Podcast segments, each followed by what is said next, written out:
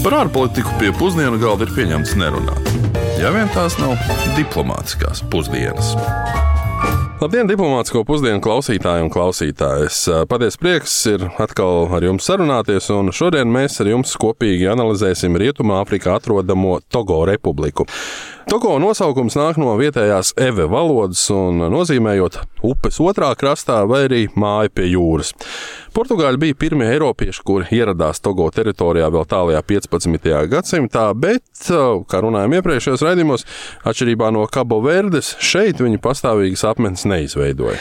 Neatkarīgi no Portugāļiem, gan Togo teritorija bija daļa no tā saucamā vergu krasta, kuru no 16. līdz 18. gadsimtam kontrolēja Dāņi.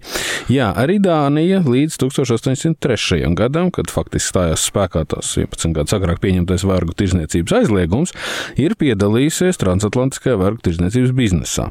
Dāņu daļa gan visā vairāk nekā 12 miljonu cilvēku pārvietošanu no Āfrikas rietumu krasta tiek rēķināta ap 1%, bet skaitliski tas tāpat ir vairāk nekā 100 tūkstoši cilvēku, kurus viņi attiecīgi pakļāva un uz kuru dzīvībām būvēja bagātību. Daudz labāks liktenis gan nepiemeklēja Togo iedzīvotājus arī pēc 1884. gada, kad tos pakļāva vācieši un izveidoja valsti ar nosaukumu Togolenda.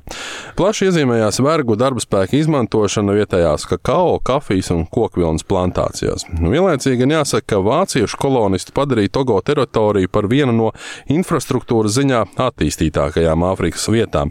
Tostarp arī izbūvējot trīs dzelzceļa līnijas no galvaspilsētas Lomes. Pirmā pasaules kara laikā visas vācu kolonijas, kā zinat, tika atņemtas, un konkrēti Togolenda 1902. gadā jau tika sadalīta starp britiem un francūžiem.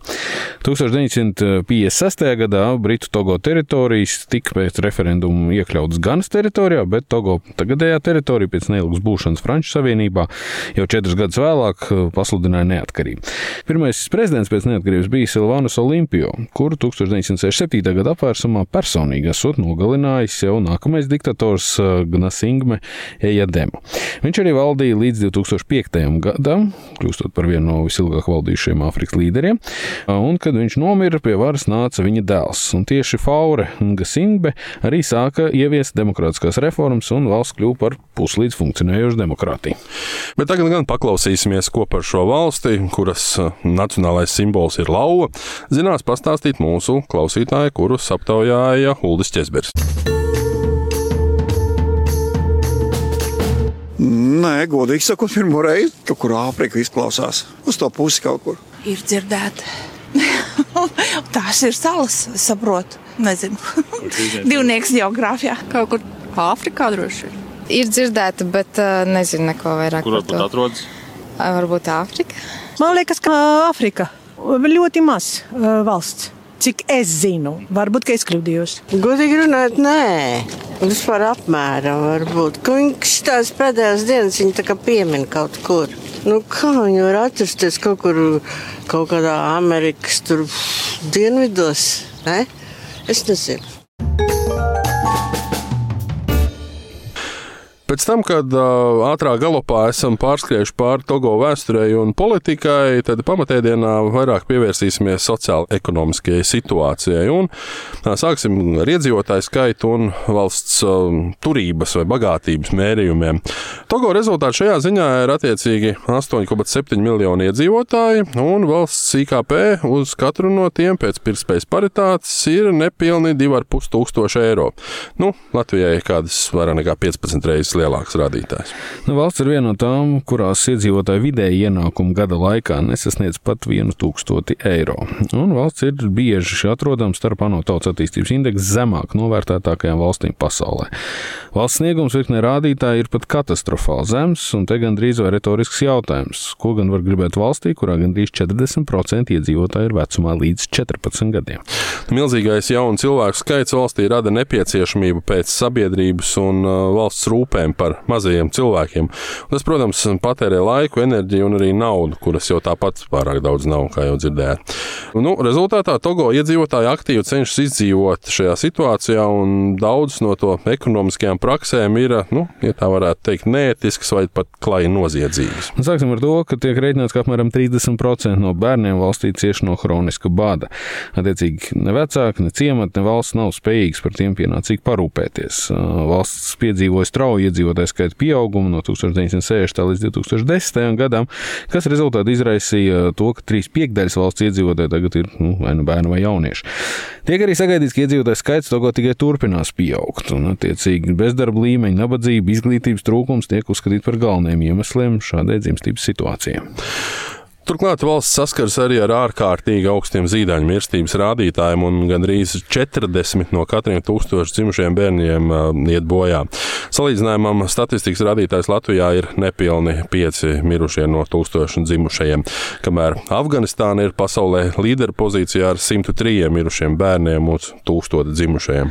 Šie visi faktori ietekmē arī paredzamo dzīves ilgumu. Togo tas ir 71,7 gadi, kamēr Latvijā dzimušajiem tiek paredzēts 76,2 divi gadi ilgs mūžs.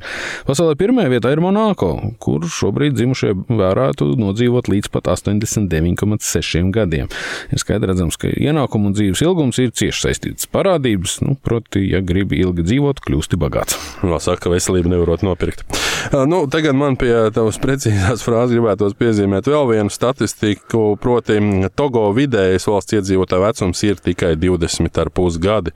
Nu, Latvijā tikmēr mēs esam nu, vidēji 45,2 gadus veci. Nu, tā kā es pašlaik, principā. nu, rekordiski. Tas ļoti precīzi. Jā, rekordisti pasaulē jau atkal ir Monako ar 56,2 gadiem. Un pie izglītības atgriežoties vēl nedaudz, tiek rēķināts, ka Togo valdība nodrošina apmēram tikai ceturto daļu no visiem resursiem, kas būtu nepieciešami pilnvērtīgi funkcionējošai izglītības sistēmai. Un te runa beigās nav tikai par infrastruktūru, bet arī par kvalificētu skolotāju trūkumu uz attiecīgi tik lielu bērnu skaitu, jau sevišķi jau no lauku reģionos. Un, um, rezultātā Togo ir arī skumjš radītājs attiecībā uz lasīt prasmu, sevišķi sieviešu vidū. Gan arī puse no valsts iedzīvotājiem neprot ne lasīt, ne rakstīt. Un vēl vairāk, ceturtā daļa meiteņu ir tikuši izprecinātas vēl pirms 18 gadu vecuma sasniegšanas. Un te, protams, nevar nepiesaukt arī reliģijas lomu Togo sabiedrībā. Reliģija, kā zināms, var funkcionēt gan kā vadlīnijas cienījamai dzīvei, gan arī kā iegansts slinkumam. Un Togo arī šī situācija noteikti nav tā vienkāršākā. Valstī ir trīs dominējošās etniskās grupas - Eve, Mina un Gini. Un arī trīs dominējošās reliģiskās grupas.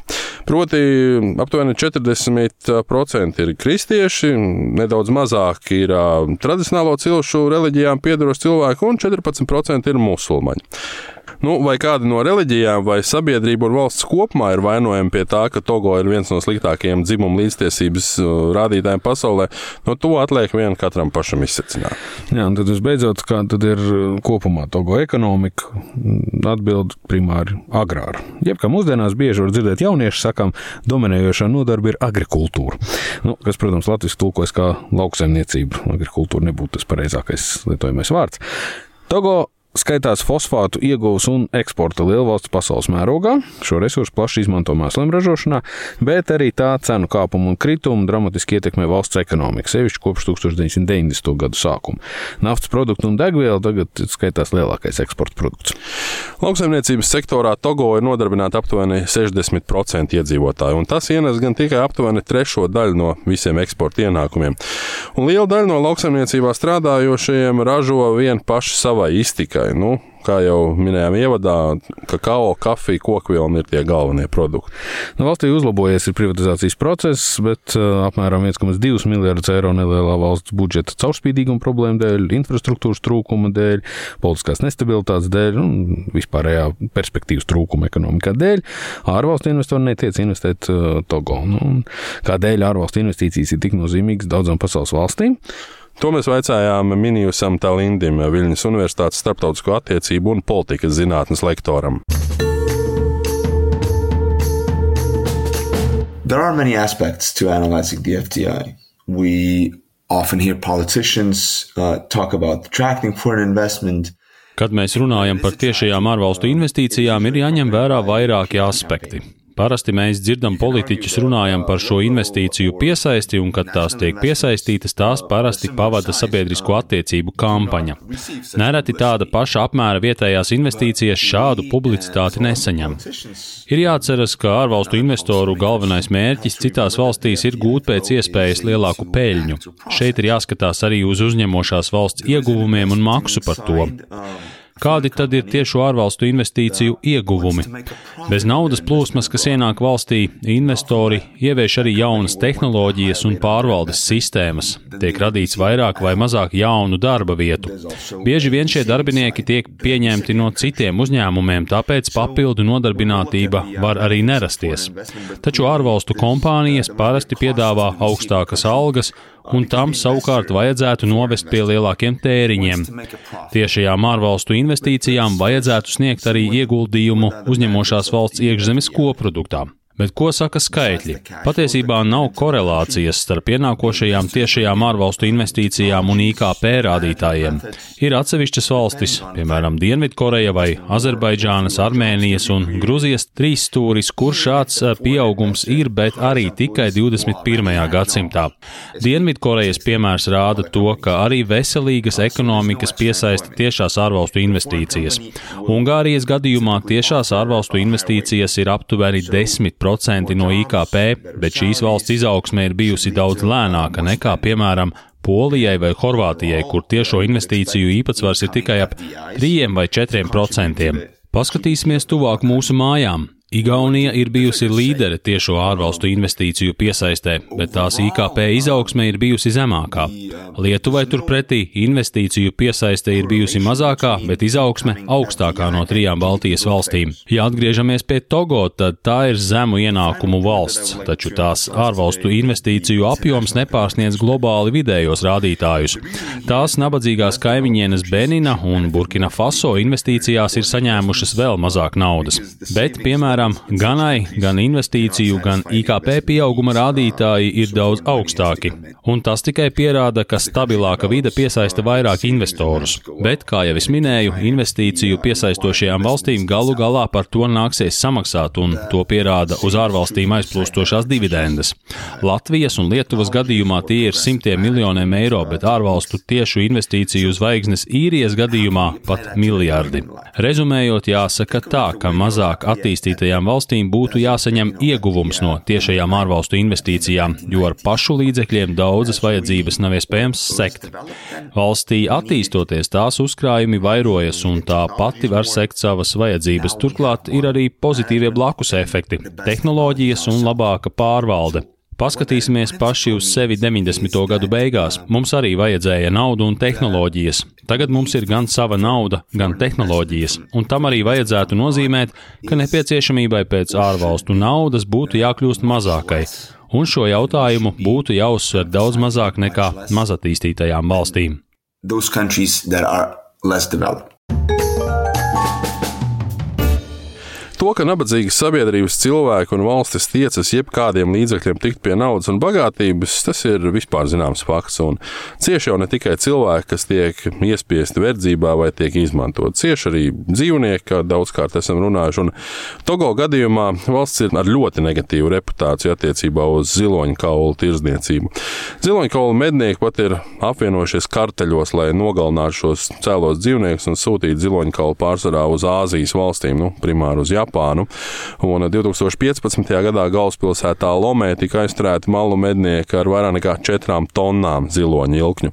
Un tas nozīmē, ka viņi bija nogalinājuši nu, aptuveni 800 šo dzīvnieku. Lai cik būtu paēdis, vienmēr ir vieta arī desertam. Un raidījumu noslēgsim ar ko dzelžainu. Gribējās par fufu, jeb Togo populārāko ēdienu parunāt, bet to jau esam darījuši iepriekšējos raidījumos. Tādēļ fufu vietā būs šaursliežu dzelzceļš. Interesantākais, ne visās vietās vienāda šaurības vai platuma. Jau minējām, ka tieši Vācijas koloniālā perioda laikā, 20. gadsimta pašā sākumā, tika izbūvēta moderna, tam laikam moderna dzelzceļa infrastruktūra. Šobrīd gan tā vairs pavisam neskaitās moderna, un kopumā vispār valstī ir nepilnīgi 600 km dzelzceļa līnija. Un tās pārvalda Togas Nacionālā dzelzceļa kompānija. 1904. gadā dzelzceļu vācieši sāka celt ar mērķi pārvadāt fosfātus, bet mūsdienās dzelzceļa līnijas, kas savieno divas pilsētas, Lomē un Blitu, izmanto arī pasažieri. Pašmāju mobilitāte gan ir visnotaļ neliela. Nu, cilvēki nobraucot gadā aptuveni 100 km. Un to var kaut kā saprast, jo maksimālais vilciena ātrums valstī ir ap 35 km/h.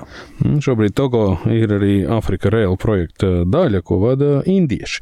Mēs esam pieraduši parasti, ka to dara ķīnieši ar visām investīcijām un Ķīnas pieaugušo ietekmi pasaulē, bet šoreiz tie gan ir indieši. Un 2023. gada maijā tika panākta vienošanās, ka dzelzceļa līnija šajā reģionā tika paplašināts un uzlabotas, lai vienotā tīklā savienotu Togo, Ziloņkalu krastu, Burkina Faso, Nigēru un Beninu. Nu, kas viņiem tur sanāks, to redzēsim, bet nu, tiešām varbūt tās cerēsim, ka projekts ļaus plašākam iedzīvotāju skaitam izlausties no šīs galējās nabadzības.